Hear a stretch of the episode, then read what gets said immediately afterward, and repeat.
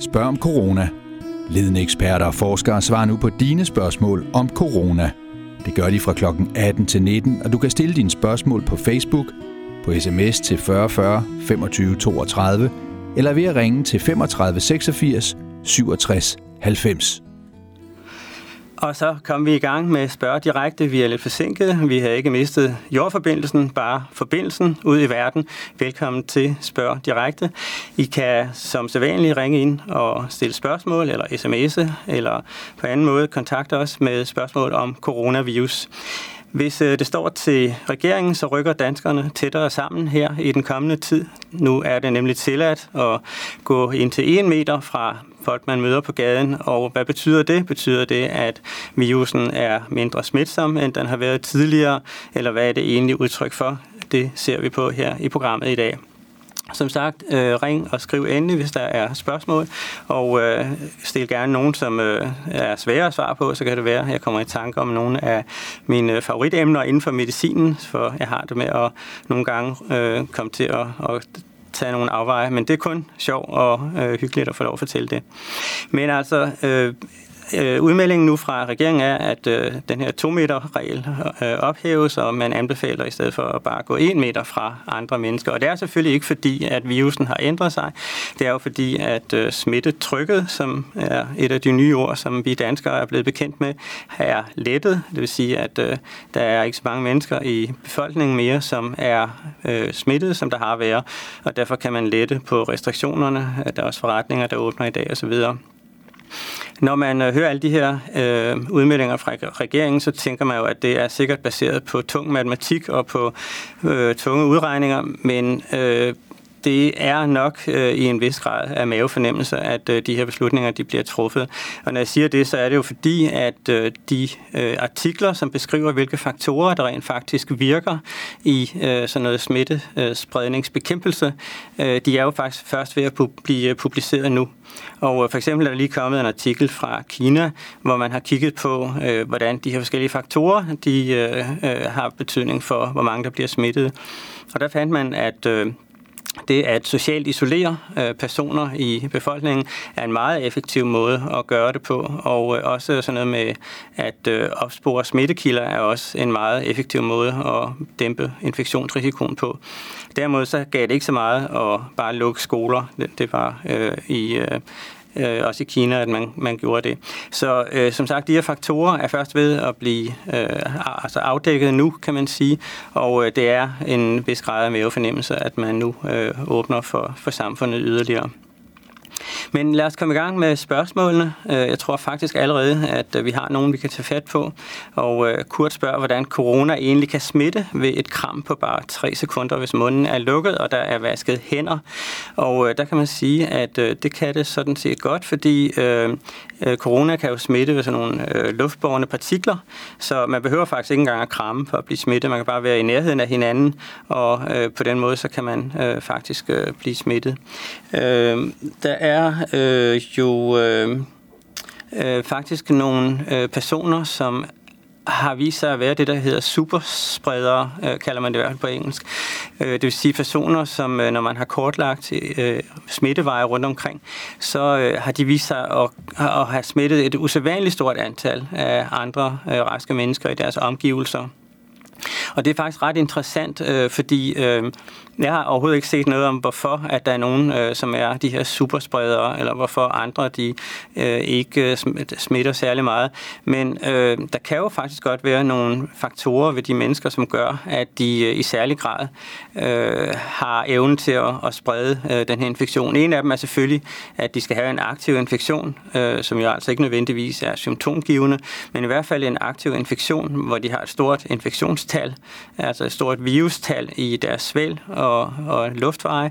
Og øh, om der så er andre faktorer, øh, det kunne faktisk være rigtig interessant at kigge på. Der er jo altså som sagt eksempler på, at folk de har smittet en 70-80 andre mennesker i deres omgivelser. Og øh, det er jo langt, langt højere end det, man normalt regner med ved corona eller ved influenza-virus. Der regner man jo højst med et par stykker eller tre eller sådan noget. Så de der superspredere, der, der har vi stadigvæk øh, noget meget interessant viden til rådighed, tror jeg, eller til, til gode, skulle jeg sige, som, øh, som vi mangler at finde ud af, hvad egentlig skyldes. Meget interessant fænomen i hvert fald. Så. Ja, og øh, vi har en ny sms. Øh, hvordan er man stillet, hvis man har emfysem? Øh, emfysem, det er jo en tilstand, hvor man har en udvidelse af det, der hedder alveolerne i lungerne. Og øh, alveolerne, det er sådan de øh, terminale dele af vores øh, luftvejssystem. Øh, man ved, at når man starter op i svælget, så kommer man ned til bronkierne, som er de store hovedveje, som deler sig i en højre og en venstre bronkie. Og øh, når man kører videre ud i forgreningerne, så kommer man til nogle mindre øh, bronkier, som man så kalder bronkioler. Og helt ude i, i slutningen af øh, de tynde bronkioler, der har man som sagt de her øh, alveoler, som er der, hvor øh, den egentlige udveksling af gasser øh, mellem øh, blodet og indåndingsluften, den foregår. Og øh, alveolerne der øh, består faktisk kun af et enkelt øh, cellelag, som øh, skiller blodbanen fra, øh, fra, øh, øh, fra, sige, fra, fra luften ude i alveolen. Og øh, det er selvfølgelig helt øh, kritisk, at øh, det luft øh, er frit tilgængelig, og at øh, blodet det ruller øh, inde i øh, de små kapillærer inde på den anden side. Øh, man øh, taler altid om sådan et øh, ventilations-perfusionsforhold. Ventilation, det er altså, hvor meget man ventilerer lungerne, og perfusionen, det er, hvor meget man gennembløder lungerne.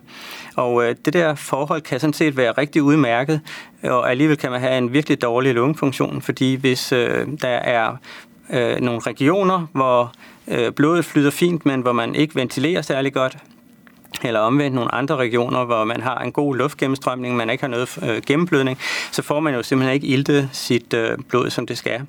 Men øh, hvis man har emfysem, som sagt, så får man altså udvidelse af de her alveoler, de yderste forgreninger af luftvejssystemet, og så får man simpelthen en øh, dårligere øh, mætning af sit øh, hemoglobin ind i blodet, altså, altså en dårligere øh, udveksling af O2, altså ilt ind i blodet, og CO2 ud af blodet.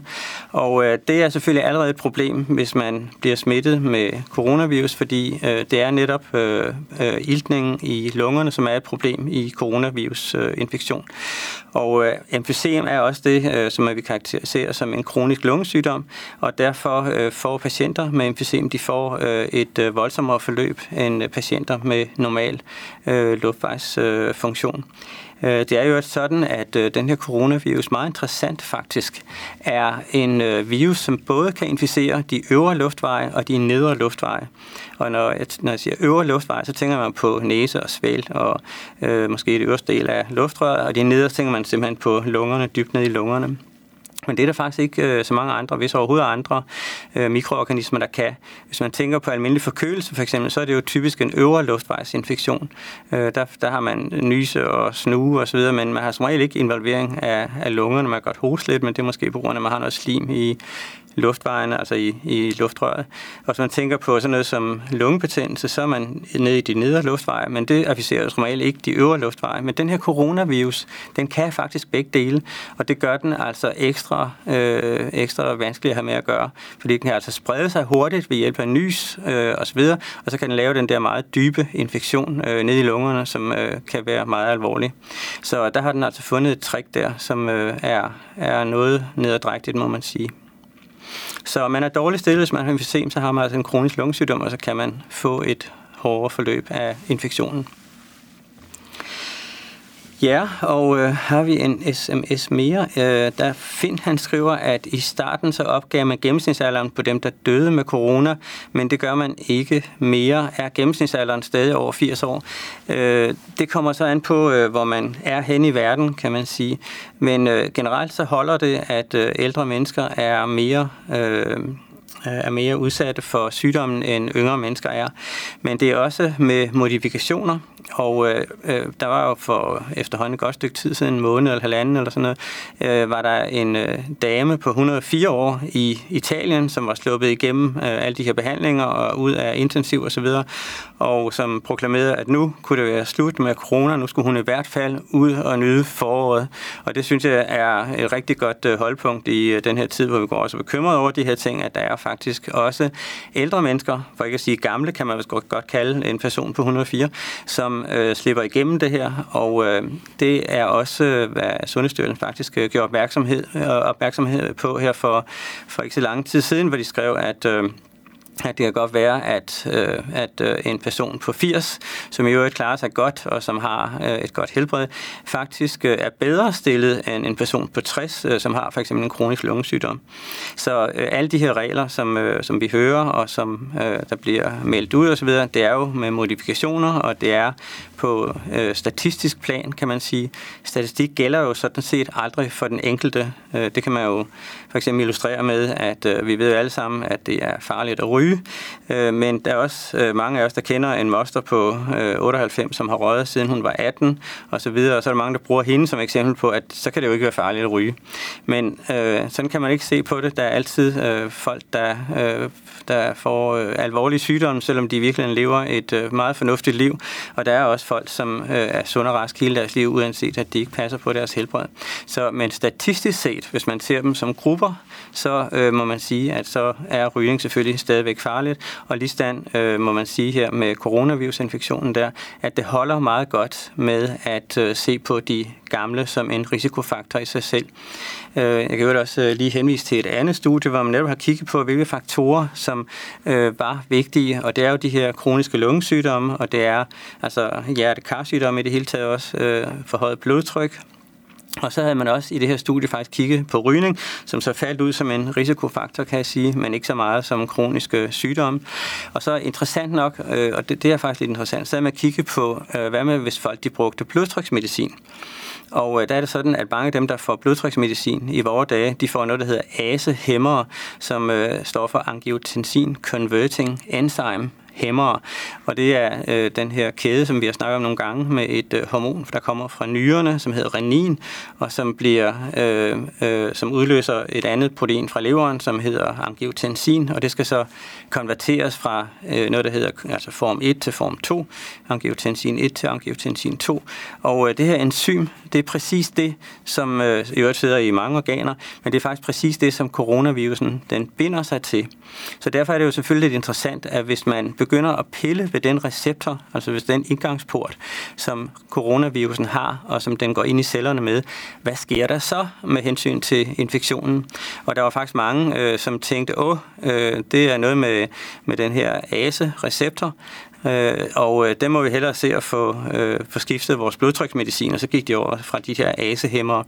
Men det viste sig faktisk, at øh, asehæmmerne, de øh, er faktisk... Øh, Øh, de øh, mildner faktisk forløbet lidt. Det øh, nedsætter faktisk risikoen for, at man får en alvorlig sygdom, øh, hvis man bliver inficeret med, med coronavirus. Så øh, det er nok en meget god idé at fortsætte med dem. Øh, der er nogle af dem, der ligner dem en lille smule. I stedet for at hæmme enzymet, så, øh, så hæmmer de den receptor, som angiotensin 2 sætter sig på. Og den, der, de er faktisk en lille smule mere i risiko for at få de her coronavirus-symptomer der. Men, øh, men dem, som har rene asehæmmer, de, øh, de har det faktisk, øh, de har faktisk lidt lavere risiko. Så alt i alt, så må man sige, hold fast ved den blodtryksmedicin, øh, som du i øjeblikket har, hvis du, hvis du spiser blodtryksmedicin. Øh, det ser ikke ud som om, der er den helt store virkning på det, og hvis der er, så øh, er det måske en, i virkeligheden en lille fordel, hvis man har rene asehæmmere. Det var et langt svar. Men øh, nu har vi heldigvis en, der kan sige mig lidt imod her. Det er Annie fra Amager, som skulle være igennem her. Hej, Am Ami, Annie, undskyld. Ja. Annie fra Amager, det er ikke sådan helt nemt at sige. Nej, okay. Velkommen til programmet, Annie. Jo, tak. Uh, jeg vil gerne høre, nu er, er jeg jo, som de siger, i risikogruppen. Jeg er 82. Ja. Og øh, så vil jeg høre, jeg har ikke været ude i to måneder nu nemlig, og så vil jeg høre, at nu der er jo lukket op i store magasiner og den slags. Hvis man nu skal ud og købe noget nyt tøj, for eksempel en ny kjole eller bluse eller et eller andet, ja. så kan man jo ikke undgå, at der er nogen, der har prøvet det først. Nej. Hvad, hvad betydning kan det så have? Ja, altså man kan sige, hvis, øh, hvis du skulle være i den uheldige situation, at øh, den, der lige har prøvet det, lige før du kommer i butikken, øh, har, har været inficeret med corona, så kan du i princippet meget teoretisk blive smittet. Men øh, det er nok, øh, for det første er det øh, usandsynligt, at den person, der har været i øh, tøjafdelingen før dig, har haft øh, en infektion. Fordi coronavirusinfektion er jo i virkeligheden ret sjælden, hvis man ser sådan på det. Det er måske en ud af 100 eller en ud af 1000 eller sådan noget, der på et hvert tidspunkt er smittet. Så øh, det det, at, øh, at den person før dig har haft en infektion, og i øvrigt øh, altså, har lyst til at, at købe tøj øh, i den tilstand, vedkommende måtte være i, øh, den er ret lille, kan man sige. Det er det første ting. Ikke? Øh, den anden ting, som du øh, skulle tænke på, det er jo, at, øh, at de overlever jo ikke sådan øh, så forfærdeligt længe i, øh, altså på, på materialer. Altså man taler jo om, at, øh, at øh, det er jo meget afhængigt hvad de lander på, de her virus. Øh, om det er på papir eller pap. Eller, og tøj har jeg altså lige bestemt ikke rigtig noget øh, indtryk af, fordi øh, der er ikke nogen, der har undersøgt det. Jeg har ikke set det. Men, øh, men hvis man siger, at det ligner øh, papir og pap og sådan nogle ting, så er det nok øh, timer, vi taler om. Nogle timer. Ikke? Så selvom der skulle have været en, som har øh, sat nogle virus på, på tøjet der, øh, så skal du altså være ret uheldig for lige at komme, øh, inden de her virus de af sig selv øh, forgår. Men øh, den øh, risiko, som jeg vil tænke på, øh, hvis jeg skulle ud og købe øh, noget nyt tøj eller i, i, en, i en forretning, stormagasin, det ville være, øh, hvor mange mennesker der var indendørs, og øh, hvor tæt de var. Det ville jeg tro var en større faktor, faktisk. Og øh, der kan jeg forstå, at øh, dem, der er åbnet op i dag, de har nogle folk, der står udenfor og tæller, øh, så man simpelthen er sikker på, at der ikke kommer alt for mange mennesker ind på samme tid. Så øh, det er nemlig sådan, at, øh, at øh, når folk de har undersøgt det, så øh, er det for alle praktiske formål indendørs, folk de bliver smittet. Det er ikke udendørs. Så man skal tænke lidt over, hvis man går ind steder med mange mennesker, og hvis man er der længe. Så så hvis du lige ved, hvad du skal have, og farve og størrelse, og far ind og henter den og ud igen, så vil jeg sige, så er i hvert fald ikke særlig stor chance for, at du bliver smittet. Nej, men det er mere det, man tænker på, hvis der er en, der har haft øh, noget tøj på, og så har, har stået nyset, eller, ja, ja. Øh, eller et eller andet, ikke? Jo, det kan jeg godt forstå, men jeg vil tro, at risikoen var lav umiddelbart. Det vil jeg faktisk, fordi... Øh, som sagt, risikoen for, at, at personen overhovedet har været inficeret, er lille, og risikoen for, at øh, virus overlever ret længe på et stykke tøj i fri luft, den er også øh, forholdsvis lille. Ikke? Så, så, så det var ikke lige det, jeg ville tænke. Jeg ville mere tænke på, hvor længe er jeg der, og hvor mange mennesker er der. Ja, for nu har jeg jo været fuldstændig skrækslagen. Nu er jeg 82. Jeg har slet ikke været ude i de to måneder, det har varet indtil nu. Ja. Og jeg tør, jeg tør dårligt gå til frisør. Ja, men øh, der må du også tænke lidt på, at øh, det gavner dig faktisk også måske at komme lidt ud og få lidt øh, sol og lidt øh, frisk luft og sådan. Øh, på det her tidspunkt af året, der er vi sådan ret øh, nede i, i, øh, immunologi måske ikke. Øh, det kunne være en af årsagerne til, at der kommer mange vinterinfektioner her. At vi simpelthen øh, er på, øh, på kanten af, hvad vi kan klare her på det her tidspunkt af året. Ikke? Så, så det at gå ud og få lidt, øh, lidt sol lidt frisk luft, det kan også gavne dig. Ikke? Så, så det må du opveje lidt der. ja. Nå, men jeg kan godt gå ud og købe lidt nyt sommertøj, så uden at, at skal ja. være så bange for det. Ellers må du en tur på fælleden derude, Annie. Ja, det ja, har jeg også. Der er ikke så mange mennesker. Nej, det er der ikke. Ja, godt. Ja, jamen, jeg siger tak. Tak skal du have, Annie. Tak fordi du ringede. Ja, tak. Det er godt, ja. Hej, hej. Og øh, vi har en sms som er hardy. Hvis man udlejer sit sommerhus, skal det så altid sprittes af, til der kommer nye lejere. Og der kan man sige, at øh, hvis, man, øh, hvis man lige har en dag imellem, så vil jeg ikke tro, at det var det store problem. Øh, især hvis man måske lige øh, lufter ud et par timer og sørger for, at øh, der er godt ventileret, øh, så vil jeg også øh, tro, at, øh, at man i virkeligheden slet ikke behøver at afspritte det, fordi... Øh, Øh, virus overlever altså ikke i, øh, i, altså i, i ugevis i hvert fald. Måske højst, igen afhængig af hvad det er afsat på, øh, så højst øh, en dag eller to eller et eller andet. Ikke? Så, men hvis man lige øh, står og lukker den ene ind, og hvor den anden går ud, så kunne, så kunne man godt forestille sig, at det kunne være en god idé at lige spritte det og øh, igen øh, må man huske på, at, øh, at sprit gør jo ikke mere end almindelig sulfo. Øh, de her virus og mange andre virus er utrolig følsomme for sulfo, altså almindelig sæbe. Så øh, hvis man har noget op opvaskemiddel, så er det simpelthen lige så godt at lige, øh, og, og lige øh, tørre det af med det. I øvrigt så kan man jo gå efter sådan nogle hotspots, kan man sige, der hvor man forventer, at der kunne være virus. Øh, der er måske ikke så meget idé i at vaske loftet ned, for eksempel, men der er måske god idé i at vaske dørklokken ned, altså ikke øh, den, der ringer, men den, man øh, trykker på, eller den, man lukker op med, eller, øh, eller sådan nogle ting, eller, eller øh, skuffegreb, eller, eller hvis man har en fastnettelefon stadigvæk, eller køleskabslågen, og, altså alle de steder kort sagt, hvor man tager så, så kunne man øh, lave en, en hurtig rengøring på den måde. Det vil være en fornuftig måde at gøre det på. Men at vaske det hele ned, det vil være for meget at gøre ud af det, kan man sige. Så er det bedre at lufte ud og sørge for, at, at partiklerne kommer ud af luften, hvis der skulle være nogen inde i sommerhuset. Så. Ja, vi har en telefon igen, og det er Alice den her gang fra Silkeborg. Og man, vi har Alice med. Ja. Jeg tror, du skal skrue lidt ned for dit øh, fjernsyn, Jeg Alice. skruer helt ned for lyden, ikke? Det lyder godt, ja. Ja. Ellers så kan jeg høre mig selv nemlig. Ja, det er godt. ja. Velkommen til, Alice. Ja, tak skal du have. Ved hvad jeg læser her i BT, ikke? Ja. En mand blev smittet med, ko- med corona og har ikke antistoffer. Ja. Hvordan kan det gå til? Ja, det er faktisk øh, et rigtig godt spørgsmål. Ja. Øh, Okay. jo, det er det i hvert fald. Øh, det er sådan, at øh, man har jo ikke fu- fuldstændig kortlagt, hvordan vi bekæmper coronavirus i kroppen. Nej. Men øh, der er nogen, der laver antistoffer, og der er faktisk også nogen, der ikke laver antistoffer. Ja, hvorfor det? Så, Ja, hvorfor det, ja? Det er fordi... Øh, det er godt spørgsmål. Ja, det er fordi, vi har faktisk flere fors- forskellige systemer, vi kan bruge til at, til at øh, bekæmpe vores øh, immun, altså vores invaderende immun, øh, eller hvad kan sige, invaderende mikroorganismer med. Ja. Og, og antistoffer, det er faktisk et af dem. De virker jo ved, at de binder sig til flere af de her mikrober, som det kan være virus eller bakterier, eller hvad det nu er.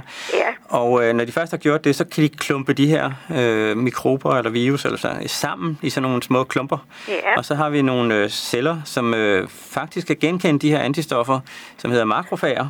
Ja. Og de, kan simpelthen, de har som, simpelthen nogle, øh, nogle receptorer, som det hedder, på overfladen, altså nogle, øh, nogle bindingssteder på overfladen, som kan Ja. binde de her antistoffer. Ja. Og øh, når de opdager, at der er sådan en øh, sammenklumpning af antistoffer med nogle mikroorganismer i, så øh, spiser de simpelthen bare hele øh, klumpen der. Ja. Så, så det er ligesom den måde, vi bekæmper antistoffer på, eller med antistoffer på. Ikke? Ja. Men så er der virusene der, de kan godt være lidt, øh, lidt mere øh, snedige der, fordi de, øh, det meget af det, det foregår jo inde i vores celler i virkeligheden. Ja. Og øh, der er det jo ikke sikkert, at øh, antistofferne måske, altså, der kan de jo øh, simpelthen ikke trænge ind de her antistoffer, fordi de skal jo over cellemembranen. Men øh, der har øh, kroppen et mere øh, radikalt måde at bekæmpe det her på, og det gør, de simpelthen, øh, det gør kroppen simpelthen ved, at øh, vi har noget, der hedder T-lymfocytter. Det er nogle celler, som øh, cirkulerer rundt i blodet, Ja. og øh, de render hele tiden rundt og mærker på overfladen af alle vores celler. Og hvis de øh, kan mærke, at der foregår noget inde i de her celler, som ikke skal foregå derinde, øh, så kan de slå cellen ihjel. Og øh, den måde, det kan ske på, det er, at øh, cellen de, øh, den, den udstiller nogle af de komponenter, som virusen den øh, består af.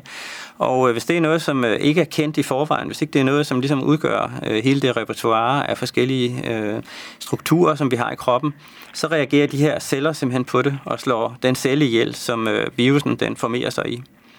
Og øh, tit er det faktisk sådan, at øh, hvis øh, det er den mekanisme, som øh, kroppen har valgt til at bekæmpe en vis øh, en bestemt øh, mikroorganisme med, så er der tit øh, en, et mindre respons, altså en mindre øh, aktivitet i det her antistofsystem. Øh, system.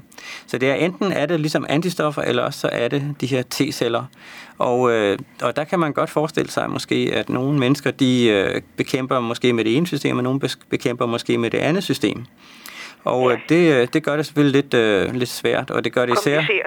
Ja, det gør det, og det gør det også lidt irriterende, for når nu vi har købt alle de her antistoftest fra Kina, så, så står vi med de her antistoffer, som vi ikke rigtig kan stole på, fordi Nej. der kan jo faktisk være folk, som øh, har øh, ikke noget øh, svar i de her, øh, hvis de overhovedet virker, de her antistof. Der har været lidt problemer med, om de, om de virkede, som de skulle. Men øh, Ja. selvom de ikke, selvom de virkede, og selvom der ikke var noget antistof, så kan det faktisk godt være et udtryk for, at man har haft infektionen alligevel, ja, ikke det er så? det.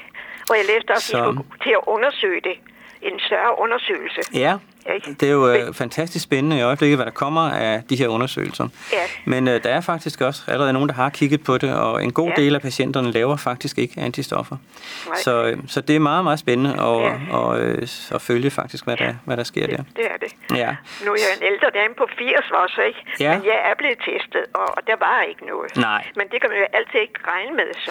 Mm, nej, den test, du har nok er blevet testet, det er nok det, virustesten, vil jeg tro, ikke? Ja, det er virus. Og den, øh, den, er, den er mere sikker faktisk, men den siger på den anden side kun noget om, hvorvidt du har en infektion lige nu og her.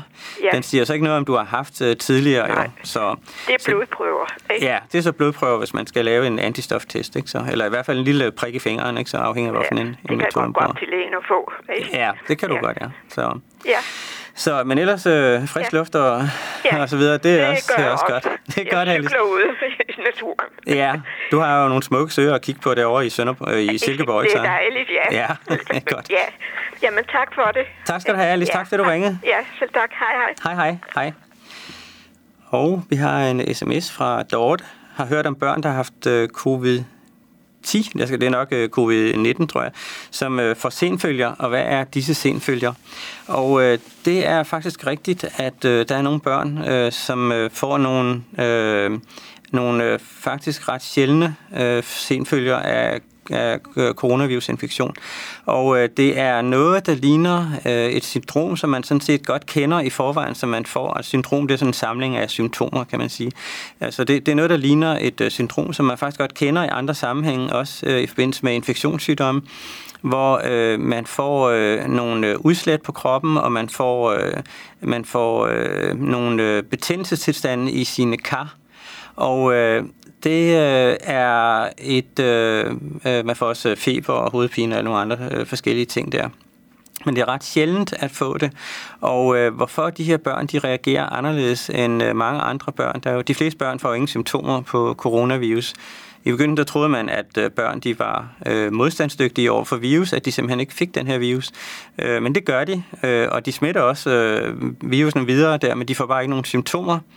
Og øh, det har man øh, undersøgt lidt, hvorfor de ikke gør det, og øh, der mener man måske, at det har noget at gøre med, at øh, for det første har de måske et mere aktivt immunforsvar, end vi har senere i livet, og øh, især har de et øh, mere aktivt øh, øh regulatorforsvar, fordi det her immunsystem, det skal jo tøjles på en eller anden måde. Det skal altså reguleres, så det ikke løber løbsk, øh, fordi når det gør det, så får vi det, der hedder autoimmun sygdom, hvor vi angriber vores egne celler, og det er bestemt ikke sundt.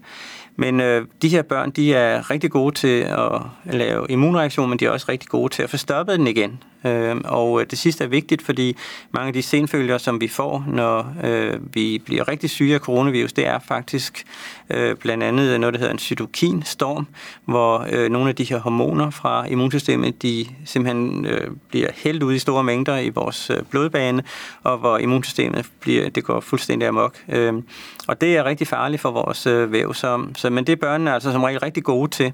Vi ved ikke, hvorfor øh, at øh, nogle børn, at de får de her øh, infektion eller de her inflammationer, skal jeg sige, altså de her betændelsestilstande i deres øh, karsystem. Øh, men øh, det kunne være, og det er der givetvis nogen, der er ved at undersøge i øjeblikket, det kunne være, at de måske har et immunsystem, som løber løbsk for dem, at øh, det simpelthen ikke, at de ikke har de her øh, regulatorfunktioner, som er så gode øh, som hos øh, andre børn. Men øh, vi øh, ved ikke så meget om det endnu. Der har ikke været særlig mange tilfælde. Det er sådan nærmest øh, sporadisk, øh, hvor mange der kommer af de her øh, børn, som får de her meget alvorlige øh, senfølger. Og øh, behandlingen, der, der er man også lidt ude på gyngende grund, men øh, det kunne meget vel være, at øh, man skulle... Øh, over i noget antiinflammatorisk behandling, altså noget, hvor man dæmper immunsystemets øh, funktion. Og øh, det er også øh, den vej, man har gjort øh, hidtil i hvert fald med, med de her børn. Men vi ved ikke så meget om dem endnu, og øh, hvis vi kommer mere om dem, så vender vi selvfølgelig tilbage til dem.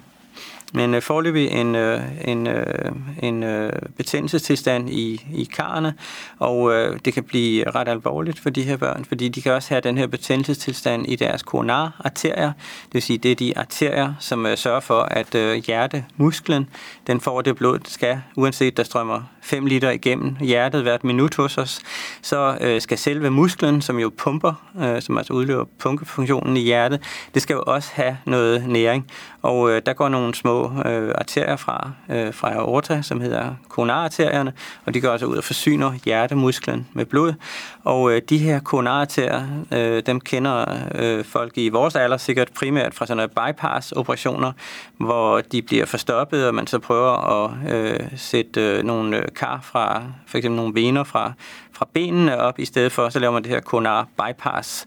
Men hos øh, de her børn her, for nu at vende tilbage til dem, så sker der det også hos nogle af dem, at øh, den der sygdom, som er en følge af coronavirus, den kan også sidde i konartærerne, og de kan få øh, aneurismer, som det hedder. De kan altså få udvidelser på deres konartærer, som i sidste ende kan briste og øh, det øh, dør man selvfølgelig af, hvis man har et bristekar i, øh, i øh, nærheden af hjertet, eller hvis ikke man når at gribe lynhurtigt ind. Øh, så det kan, det kan blive nogle ganske alvorlige senfølger for, for de her, men det er stadigvæk en sjælden komplikation. Ja, og vi har en sms mere. Hvorfor tages testen for corona nogle gange i næsen og nogle andre gange i svælget? Og øh, det øh, er formentlig bare øh, lokale vaner, vil jeg tro, fordi øh, umiddelbart skulle der ikke være den store forskel på at tage øh, de forskellige steder her. Øh, jeg husker, der var en, der en dag spurgte, at øh, hvis man ikke havde nogen mandler, øh, dem der hedder tonsiller, som sidder øh, inde i svælbuen, der mellem de to svælbuer. Øh, hvad gjorde man så? Øh, fordi normalt så, øh, så tog man dem altså fra mandlerne der. Øh, men det gør ikke så meget, hvor man tager øh, testen fra. Man kan tage det i hvor som helst i de øvre luftveje. Man kan faktisk også tage det fra spyt, og øh, det kan være en øh, rigtig fornuftig idé, fordi hvis man skal teste et meget stort antal af personer, øh, for eksempel på sådan en hel befolkning som Danmark eller sådan noget, øh, og man ikke har de rigtige testkit, og man kan jo komme til at mangle noget så simpelt som vatpinde for eksempel, øh, så kan man altså sådan set bare bede folk om at spytte i et glas, og så kan man lave testen på spyttet. Øh, det har vist sig også i en publiceret undersøgelse, at det er faktisk lige så effektivt, som det er at lave podningerne, så man kunne i princippet godt bare øh, måle på, på spyt. Så øh, det er ikke så afgørende, hvor den tages. Øh, man, man kan tage den i, øh, i øh, flere steder i den øvre luftveje. Til gengæld så kan man nogle gange komme ud for, at, øh, som jeg lige også øh, nævnte lidt tidligere, at eftersom den her virus, den både kan sidde i de øvre og nedre luftveje, så kan man faktisk nogle gange komme ud for, at lige meget hvor man poder i de øvre luftveje, så finder man den ikke. Og så skal man altså ned og pode i de nedre luftveje, altså helt ned i lungerne, og der kan man lave forskellige skyldninger i bronkierne for at få noget materiale op dernede fra. Øh, der skal man altså faktisk helt dernede for at øh, detektere den. Men lige om det ene eller andet sted i de øvre luftveje, det er ikke så afgørende. Så. Vi har en, øh, en serie igennem igen, og øh, det er Mads, står der her fra Roskilde. Er det rigtigt, Mads? Ja, det, det har jeg. Jeg har lige spørgsmål til dig. Ja, det lyder dejligt. Ja, jeg holder uafstand, hvor jeg handler i supermarkeder og i NATO og alle mulige steder, og holder jeg uafstand og spritter hænder. Ja, jamen det er da altid godt i hvert fald. Øh, og, og vil jeg lige spørge er det okay at øre lidt med bus ned i regionen og op i byen, bare man holder afstand? Ja, det må man sige, at øh, det er rigtig vigtigt også at komme lidt ud også for ens øh, sociale øh, eller man kan sige sundhed, at man, at man simpelthen øh, kommer lidt ud og, og får lidt nye indtryk og lidt solskin og ser nogle andre mennesker, så man ikke øh, sidder indendørs i, i månedsvis. Ikke? Det bliver man jo ikke øh, bedre af, sådan psykisk kan man sige i hvert fald. Ikke? Så, så øh, jeg synes, du, øh, det lyder som om, du har meget godt fat i, i pointen der, ikke? At, øh, jo. at holde lidt afstand og spritte øh, fingrene af eller vaske dem, når du kommer hjem og sådan nogle ting. Og så, og så lade være med at putte øh, fingrene i øjnene og næsen og munden, ikke? så kan du ikke rigtig gøre så meget mere. Nej, og vi har også bare sige, at jeg bruger rejsekort i øjeblikket i bus. Ja. Så det andre jeg bare nogle penge op, og bruger jeg det. Ja, så, men øh, det lyder også rigtig godt. Øh, der er du inde på en anden ting, som mange forretninger faktisk øh, beder kunderne om, nemlig at øh, bruge øh, sådan en kontaktløs betaling, enten det nu er mobile pay, eller det er deres øh, trådløse dankort, eller hvad det er. Og øh, det er da en rigtig god idé, fordi øh, det kan da ikke udelukkes, at, øh, at øh, smitte kan overføres med, med penge. Og øh, man kan sige, i forhold til øh, det at prøve kjoler inde i, øh, i øh, tøjforretningerne der, der øh, med pengene, der er jo ikke noget... Øh, der er jo ikke nogen øh, forsinkelse i, at øh, den ene person har det, og den anden person har det. Så der er ligesom ikke nogen øh, tid, hvor den her virus, den kan forgå. Man, øh, man giver den jo direkte fra den ene til den anden person. Så, så jeg vil hellere øh, prøve kjoler, om jeg så må sige, end jeg vil, øh, end jeg vil have nogle penge fra, fra en person, jeg ikke kendte. Ikke? Så der, der er trods alt nok større chance for at, at passere noget der. Ikke? Så, så, men, og, og, så vil jeg bare sige, at og hvad jeg også når hver gang, hvor jeg været på toilettet, jeg har noget æble også. Ja. Du har... Så, ja, ja. Så, og hvad jeg hænder i det, jeg har nogle nødder herhjemme. Ja, ja. Okay, men øh, det, det synes jeg lyder som en, en... Jeg synes, det lyder som om, du har virkelig god øh, fat i det hele der, så... Nu er Sundhedsstyrelsen jo også øh, gået ud og sagt, at vi kan, vi kan slække lidt på afstanden, som vi skal øh, have til hinanden. Så, øh, så du behøver måske at, at nu at holde lidt mindre afstand, end, end du i virkeligheden har gjort tidligere. Ikke? Så. Ja. Så jeg, jeg vil øh, nyde forårssolen lidt, Mads, der. Det synes, det lyder som en, en god idé, at, øh, at komme lidt ud med, med dine forskellige gøremål der. Ja, det er i orden, i orden men er ikke blevet billetter i busserne i øjeblikket. At, at det er, undskyld, at det er vigtigt, hvad siger du?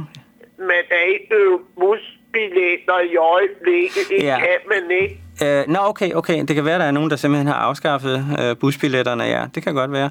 Så, øh, men, øh, men rejsekortet, der er jo øh, lige i det aspekt, er det i hvert fald udmærket, fordi netop også, at det er, er forholdsvis kontaktløst, ikke? Så, så, øh, så det, det er også en god idé i hvert fald at, at bruge det, ikke så? Ja, det er det. Et bare en periode, man ikke kan. Ja, det kommer jo nok øh, ind så længe, så slækker man jo nok lidt mere på det. Så, Ja. øh, Mads, men øh, det var rigtig øh, fint, at du lige øh, gjorde opmærksom på de her ting en gang, så vi fik det på plads, øh, hvad, hvad der er god øh, hygiejne ude i samfundet.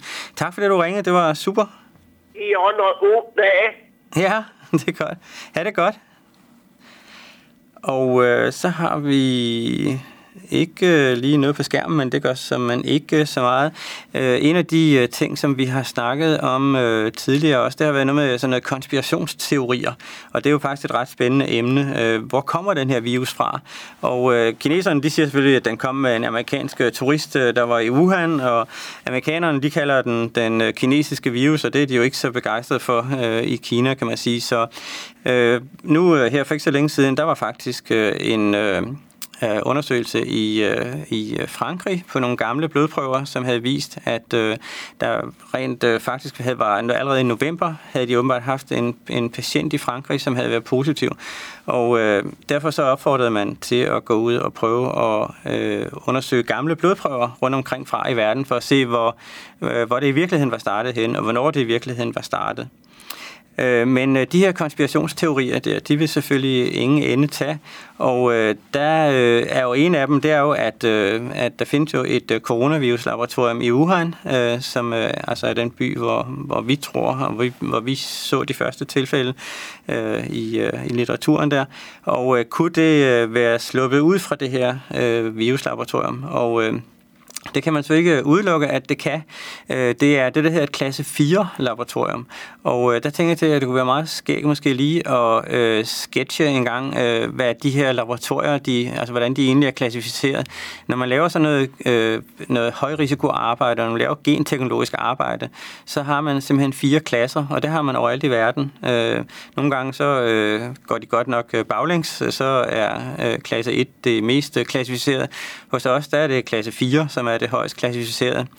Men for hver af de her klassifikationer, øh, der gælder nogle regler for, hvordan man må færdes, og hvordan man må øh, hente ting ind og ud, og hvorfor nogle regler man skal følge, og hvorfor nogle logbøger man skal skrive, og hvorfor nogle materialer man må tage med ud og tage med ind, osv. osv. Og øh, de her øh, regler, de øh, er faktisk sådan ret øh, rigide, kan man sige. Der er nogle små øh, smagsforskelle, kan man sige, fra land til land, men ellers i store hele er det faktisk øh, ret veldefineret. Og øh, som sagt, det her laboratorium i Wuhan, det er altså en, et klasse 4-laboratorium, øh, som er det højst klassificeret. Og øh, hvis, øh, hvis I tilfældigvis har set billeder derovre så kan man se, at folk går ind i laboratoriet i sådan nogle nærmeste rumdragter, hvor der, er, øh, hvor der simpelthen er separat luftforsyning inde i selve dragten. Og øh, det er næsten umuligt at forestille sig, at der kan slippe noget ud af sådan et øh, laboratorium der. Men øh, faktisk er det sådan, at øh, forskere, som har bedt om, at øh, man må kigge ind i det her laboratorium, de har så ikke forløbig fået lov til det. Men øh, det øh, kan være, at øh, de får lov til det. Vi har en øh, telefon øh, fra Hillerød, og det er Inge-Lise, tror jeg. Kan det passe? Det passer, ja. Velkommen til, Anne-Lise. Inge-Lise. Inge-Lise, undskyld. Ja. Tak skal du have. Jeg har været på hospitalet på øh, ortopædisk kuri, ja, det, kirurgisk ambulatorium. Det var svært. Jeg har også svært at tale. Ja. Der kan du se, hvor Og svært det er. Ja. Og der sad jeg i et åbent venteværelse, hvor folk gik frem og tilbage og ud af, af, af hospitalet ja. øh, i 45 minutter. Ingen hjælpemidler eller værnemidler. Nej. Så kom jeg ind til, på, til lægerne, og der var tre i det lokale, hvor man plejer at have en, og de brugte heller ingen værnemidler. De sprittede deres hænder, når de rørte ved mine fødder, ellers ikke. Ja, ja. Og det føler jeg mig altså utryg ved, fordi at jeg er 75, jeg har kol, diabetes og hjerteflimmer. Ja, ja. Derfor, Det vil jeg... så jeg, tør, jeg tager ikke tage jeg skal på hospital to gange her i den her måned. Jeg tager jo ikke at tage det op, hvis det er den der politik, de har, at de ikke gør noget. Nej. Jeg vil, øh, I sådan en situation der, øh, der vil jeg måske lige aftale med sygeplejersken, at øh, du står ude på repon, hvis du øh, lige sagde til sygeplejersken, du ved, som, som, øh, som henter patienterne ind, siger, at, øh, at du sidder ikke lige ude i venteværelset, øh, fordi du skal lige have lidt frisk luft, eller hvad du nu bruger som undskyldning, og så går ud, simpelthen går ud af afdelingen og stiller dig ud på gangen, eller sådan noget, indtil Okay, det bliver ja. din tur. Så er du i hvert fald ude af det værste, øh, kan man sige. Fordi hvis der sidder der en, en 15-20 stykker en venteværelse der, så øh, det vil jeg heller ikke føle mig tryg ved. Det vil jeg faktisk ikke. Øh, så, øh, men så kan man sige, hvis, hvis hun lige vil love at hente dig lige når du skal ind, så skal du bare i gennemgangen, og så går du direkte ind til, til konsultationen. Ikke? Så det kunne måske være en, en måde at gøre det på. Jamen det værste var, det er jo det, der er tre læger i det samme øh, undersøgelsesrum, som der plejer at være en. Ja, det er jo heller ikke nødvendigt sikkert, vel? Altså, der er jo ikke tre læger, der kan undersøge dig på, på en og samme Det tid. var fordi, den ene skulle lære sig op og sådan Ja, noget, ikke? Men ja, altså, okay. Ja, jeg, jeg var ikke tryg ved det, så jeg synes det... ja, Jeg prøver på at passe på mig selv. ja. Ikke ved, at når jeg har alt det der, og ved ikke at, at gå ud blandt andre mennesker, alt sådan noget der, ikke? Ja, ja. Alt for meget. Ja. Det, øh, jeg kan godt forstå dit, øh, din pointe der, øh, men jeg må sige, omvendt så alt i alt, så er chancen for, eller risikoen for at blive smittet, er jo rimelig lav i virkeligheden. Ikke? Som, jeg har nogle gange sådan siddet og og sagt nogle tal, som jeg ikke har noget som helst belæg for, men øh, hvis, øh, hvis man regner lidt på det, sådan, hvor, hvor lang tid infektionen varer, og hvor mange procent der er inficeret på, øh, på et hvert tidspunkt eller sådan noget ting, så skal man måske ud på 1 til 100, 1 til 1000 eller sådan noget, for at, øh, at man med en tilfældig person, man møder på gaden, møder en, der rent faktisk har infektion. Ikke? Så, så, men alt er jo kumulativt, ikke? Altså alt, alt Ja. er jo ligesom... Øh, øh, Det vil sige, at jeg kan godt gå ned og handle en gang imellem, bare jeg passer på. ja, det vil jeg, det vil jeg gøre. Okay. Men ja, så det, det kan du roligt gøre, Annelise. Inge-Lise? det er jeg siger Annelise. Jeg kender en, der hedder Annelise, det er derfor, jeg kan næsten Jamen, ikke jeg sige Inge-Lise. blev kaldt Anne-Lise, så Okay. jeg ved ikke hvorfor. tak skal du have, Annelise. Inge-Lise! Tak. tak for Hej, det, du ringede. Inge-Lise. Det, det er godt. Hej hej. Vi er faktisk nået til vejs ende her i dag, og øh, som jeg sagde i begyndelsen der, det kan være, at øh, vi rykker lidt tættere sammen her i, øh, i øh, Danmark i det næste stykke tid. Og øh, det er jo kun dejligt, fordi øh, vejret bliver bedre, foråret er med os, og øh, jeg håber, I går ud og nyder det, og får lidt solskin og lidt D-vitaminer. Det er det, vi alle sammen trænger til i øjeblikket. Tak for i dag, og på gensyn.